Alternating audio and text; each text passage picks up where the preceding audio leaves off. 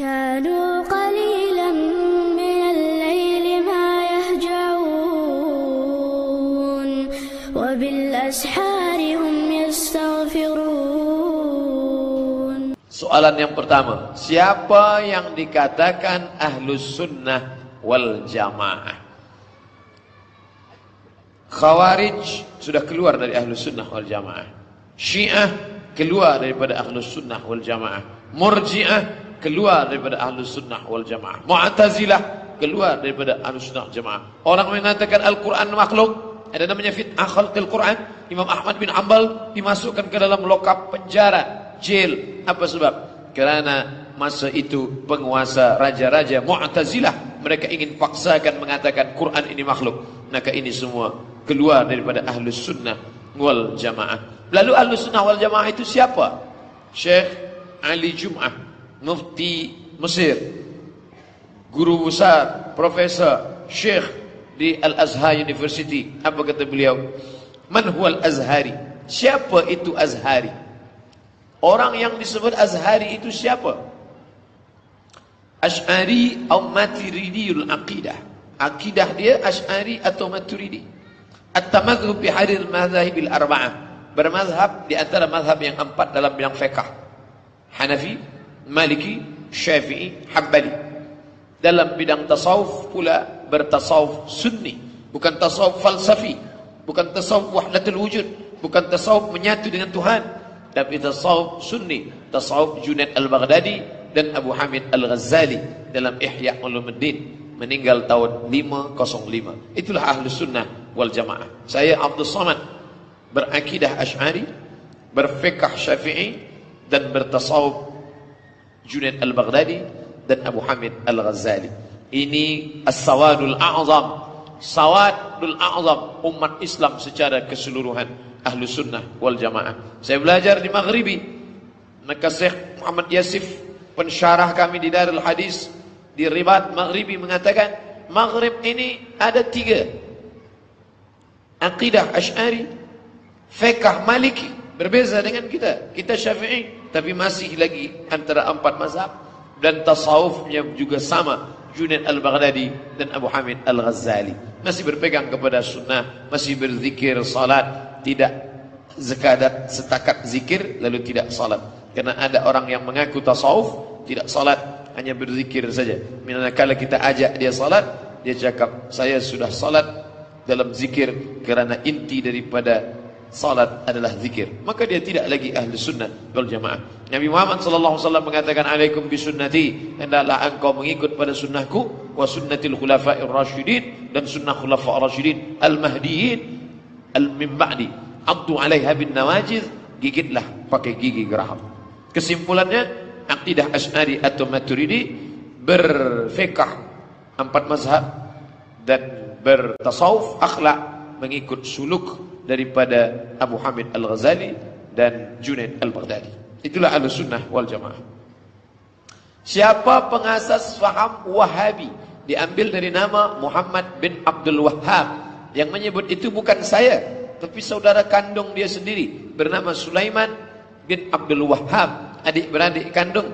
Muhammad bin Abdul Wahhab. Sulaiman bin Abdul Wahhab. Dia tidak bersetuju dengan saudara kandungnya. Maka dia tulis kitab bantahan. Itu disebut Al-Wahhabiyah.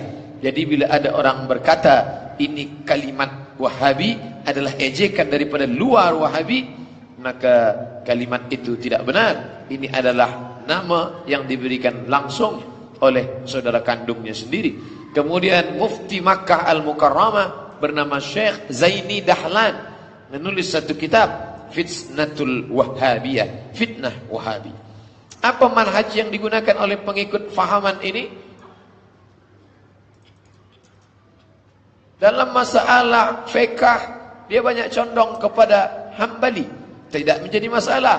Yang menjadi masalah adalah tasyaddud amat sangat ekstrim dalam masalah menyalahkan orang yang tak sefaham dengannya.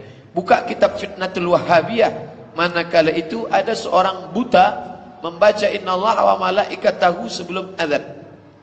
Innallaha wa malaikatahu yusalluna 'alan nabi Ya ayyuhalladzina amanu sallu alaihi sallu alaihi wa sallimu taslima. Bagi mereka membaca innallaha wa malaikatahu sebelum azan adalah perbuatan bid'ah kerana tidak dibuat Nabi sallallahu alaihi wasallam wa kullu bid'atin dalalah wa kullu dalalatin finnar mereka tidak memperakui pembagian bid'ah yang dibuat oleh Imam Asy-Syafi'i idza wafaqa syari'ata fa bid'atun mahmudah.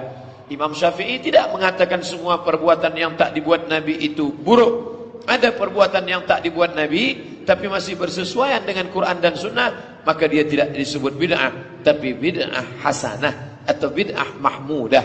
Sedangkan bila dia bercanggah dengan Quran dan Sunnah maka dia disebut bid'ah mazmumah atau bid'ah mungkarah atau bid'ah batilah sedangkan mereka tidak semua yang tak dibuat Nabi bid'ah wa kullu bid'atin dalalah wa kullu dalalatin finnar bila tidak dibuat Nabi bid'ah Pernah ada Nabi ajarkan innallaha wa malaikatahu sebelum azan? Tidak. Bid'ah. Maka jangan buat lagi. Tapi orang buta ini berdegil, dia tetap buat. Maka ditangkap dan dipancung kepalanya hanya kerana membaca innallaha wa malaikatahu yusalluna ala nabi. Inilah salah satu uh, yang membuat dia menjadi ditolak di banyak tempat kerana mudah membid'ahkan orang dan mudah uh, memfasikkan orang mengatakan keluar daripada manhaj yang benar dan hanya mengatakan kami saja yang benar. Lain daripada kami adalah batil. Maka wal billah na'udzubillah apa pandangan ustaz tentang orang yang berpegang dengan fahaman wahabi? Saya ada beberapa kawan sahabat yang berpegang kepada mengikut Muhammad bin Abdul Wahab tapi dia tidak ekstrim dia tidak keras. Jadi ada yang sangat keras ada yang pertengahan ada yang lembut sekali seperti penulis kitab La Tahzan. La Tahzan itu Ain Al-Qarni. Dia berfahaman Wahabi. Tapi dia boleh berjalan bersama Syekh Abdullah bin Ab Sufi. Dan dia boleh berjalan bersama dengan Syekh Yusuf Al-Qaradawi. Dan dia boleh bersama dengan uh, Habib Ali Al-Jifri. Boleh bersama duduk. Boleh satu majlis.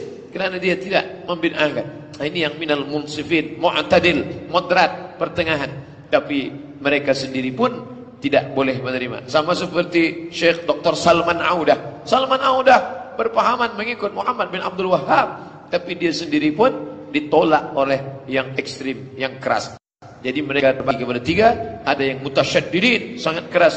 Ada yang mu'tadil yang moderat ada yang mutasahil yang uh, mudah di kalangan umat Islam ada yang berpandangan tiada azab kubur. Apa pandangan Ustaz tentang azab kubur dan orang yang menyatakan tiada azab kubur? Nabi lalu di suatu makam. Nabi ambil pelepah korma, fasaqahu nisfain. Nabi belah menjadi dua. Lalu dia cucukkan di makam ini, dia cucukkan yang ini. Sahabat bertanya, "Mahadza ya Rasulullah?" Apa yang kau lakukan ini ya Rasulullah? Kami tak pernah melihat orang mencucukkan pelepah korma innahuma la yu'adzabani. Dua makam ini sedang diazab. Wa ma yu'adzabani fi kabir. Mereka diazab bukan kerana sebab dosa yang besar. Yang satu ini diazab kerana apa? Namma yamshi bin namimah. Namimah membawa-bawa cakap orang. Cakap si A tentang si B. Lalu diceritakan oleh si. Maka berkelahi bertembung bercanggah. Mereka gara-gara cakap ini. Nammamun. La yadkhulul jannata nammamun Lalu kemudian yang satu ini mengapa diazab kubur? Kata dia, mereka diazab kubur sebab lam yastabri tak berbasuh manakala kencing, tidak istinja, maka mereka kena azab kubur. Maka hadis ini sahih ada dalam kitab Sahihain. Bila orang mengingkari ini, maka mengingkari hadis Nabi Muhammad sallallahu alaihi wasallam. Dalam Sahih Muslim selepas kita fil alamin innaka hamidum majid kita tambah Ma qaddamtu wa ma akhartu wa ma asrartu wa ma alantu wa ma asraftu wa ma anta a'lamu minni antal muqaddim wa antal muakhir la ilaha illa anta subhanaka inni kuntu minaz zalimin. Sebelum salam minta perlindungan daripada empat. Allahumma inni a'udzubika min azabi jahannam wa min azabil qabri wa min fitnatil mahya wal mamat wa min syarri fitnatil masiihid dajjal. Kalau tak ada azab kubur tak akan ada doa ni. Allahumma inni a'udzubika min azabi jahannam wa min azabil qabri. Itu dalil kedua. Dalil yang ketiga Ini Masjid Nabawi. Hadap ke kiblat, sebelah kiri ada makam Baqi. Kata Nabi kepada Sayyidatuna Aisyah radhiyallahu anha, "Wahai Aisyah, bila engkau lalu di makam Baqi, maka jangan mulut engkau diam saja, tapi ucapkanlah doa. Assalamualaikum ya ala diyar minal mu'minin wa inna insyaallah bikum lahiqun yarhamullahu mustaqlimin wal mustakhirin nasallahu lana wa afiyah. Doa itu menunjukkan ada azab kubur. Bila azab kubur tak ada, untuk apa doa itu ada? Assalamualaikum ya ahli diyar. Keselamatanlah untuk kamu wahai penghuni kubur. Keselamatan dari apa? Bila saya ucapkan salam pada tuan-puan, Assalamualaikum, selamat daripada sakit, selamat daripada miskin, selamat daripada susah hati. Orang mati tak ada miskin, tak ada susah hati. Lalu apa makna selamat Assalamualaikum ya alal kubur? Selamat daripada azab kubur. Hadis yang ketiga, bahawa ketika Nabi wasallam datang ke rumah, Aisyah berkata, tadi ada orang Yahudi perempuan bercerita bahawa kata mereka ada azab kubur, kata Nabi inna hal haq. Apa yang dia katakan itu benar bahawa memang ada azab kubur. Menunjukkan bahawa tidak hanya orang Islam sahaja yang ada azab kubur tapi juga orang kafir pun kena juga azab kubur. Dunal azabil akbar. Ada azab yang besar azabil adna azab yang rendah apa yang dimaksud dengan azabil akbar azab di akhirat nanti sedangkan azabil adna azab yang rendah azab yang dekat itulah dia azab kubur Maka bila siapa yang ingin memperdalam masalah azab kubur ini, bacalah kitab Ar-Ruh. Nama kitabnya Ar-Ruh. Sudah ditranslate ke dalam bahasa Melayu. Ditulis oleh Ibnu Qayyim Al-Jauziyah. Satu lagi, ada kitab tentang masalah azab kubur yang sempurna. Bagaimana kubur, bagaimana arwah di kubur, apa yang kita kirim ke kubur, sampai atau tak sampai. Nama kitabnya Tazkirah yang ditulis oleh Imam Al-Qurtubi. Nah, kedua kitab paling lengkap tentang ensiklopedia tentang masalah azab kubur adalah pertama At-Tazkirah Imam Al-Qurtubi, yang kedua Ar-Ruh Ibnu Qayyim Al-Jauziyah. Adakah Islam mengharuskan tawassul? Ada dalil yang mengharuskan tawassul? Ya ayyuhalladzina amanu, hai orang beriman, ittaqullah, bertakwalah kamu kepada Allah. Wabtaghu ilaihil wasilah bertawassullah. Bukan harus disuruh Allah taala bertawassul. Kita tidak langsung kepada Allah tapi bertawassul melalui perantara. Allah yang suruh. Bila ada orang takut bertawassul Allah yang suruh. Kenapa takut bertawassul? Hadis sahih dalam sahih Bukhari. Tiga orang masuk ke dalam gua. Turun hujan rintik-rintik. Mereka masuk ke dalam gua. Manakala mereka masuk ke dalam datang batu besar bergelinding dari atas menutup pintu gua. Tertutup gelap. Yang satu bertawassul dengan sedekah. Ya Allah aku dulu punya hamba sahaya. Manakala aku aku punya pembantu. Manakala aku ingin bagi gaji dia dia pergi tak tahu ke mana. Maka gaji dia aku belikan kambing kambingnya beranak pinak sekarang dia datang. Lalu aku panggil dia hai pembantuku ini semua kambing-kambing ini punya engkau. Ambil semua. Habis kambing itu dia ambil. Ya Allah kalau memang perbuatan sedekah ini kerana engkau tolonglah engkau bukakan pintu gua. Terbuka. Itu menunjukkan kita doa dengan tawassul. Yang kedua aku tak kaya ya Allah. Tapi aku berbakti kepada bunda dan ayahku suatu malam aku pulang membawa satu botol susu kambing mereka menangis anakku menangis kerana haus istriku menangis kerana lapar tapi aku tahan Aku tunggu sampai bunda dan ayahku terjaga. Selepas mereka terbangun dari tidurnya, aku berikan. Kalau memang baktiku ini bisa aku buat tawassul kepada engkau, maka bukakan pintu gua. Terbuka. Itu dalil kita boleh bertawassul kepada Allah dengan amalan berbakti kepada kedua orang tua. Yang ketiga, aku tidak ada ayah bunda. Aku pula tidak kaya, tapi aku pernah jatuh cinta kepada seorang perempuan. Hampir kami berzina. Manakala kami hampir berzina tak jadi berzina. Kerana aku takut kepada engkau. Kalau memang takutku ini bisa aku jadikan sebagai tawassul bukakanlah pintu gua. Terbuka. Maka itulah dalil bertawassul mengapa tuan-tuan imam sebelum berdoa? Al-fatihah. Dia bertawassul dengan al-fatihah. Dia tak bertawassul dengan sedekah. Dia tak bertawassul dengan dengan bakti kepada orang tua dia tak bertawassul kerana tak jadi berzina tapi dia bertawassul dengan kemuliaan surat Al-Fatihah Ummul Quran kitabmu ini aku bertawassul kepada engkau. Ini tak ada ikhtilaf tentang mubahnya tentang harusnya bertawassul dengan amal soleh. Nah bagaimana bertawassul dengan orang? Ini yang ikhtilaf. Bertawassul dengan aku bertawassul kepada engkau dengan kemuliaan Syekh Abdul Qadir Al-Jilani, dengan kemuliaan Syekh Bahauddin An-Naqsyabandi, dengan kemuliaan Syekh Fulan. Bolehkah itu? Maka Syekh Abdullah bin Siddiq Al-Ghumari menulis satu kitab khusus ahli hadis daripada Maghribi, Syekh Abdullah bin Siddiq Al-Ghumari tentang menulis masyru' disyariatkan bolehnya bertawassul dengan hamba-hamba Allah yang soleh.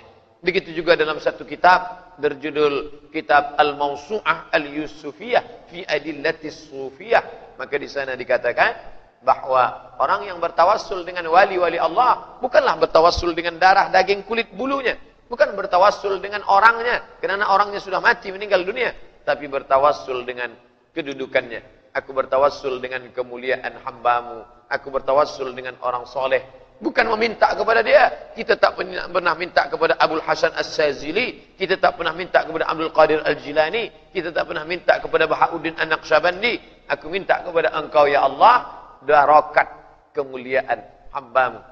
Allahumma inni atawassalu ilaika bijahi nabiyyika Muhammad sallallahu alaihi wasallam. Aku meminta kepada Engkau ya Allah berkat kemuliaan Nabi Muhammad sallallahu alaihi wasallam engkau sembuhkan penyakit mataku ini. Maka orang yang buta itu pun sembuh dari penyakit butanya.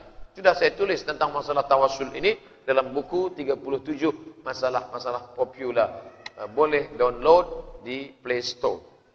Jangan lupa subscribe, like, and share.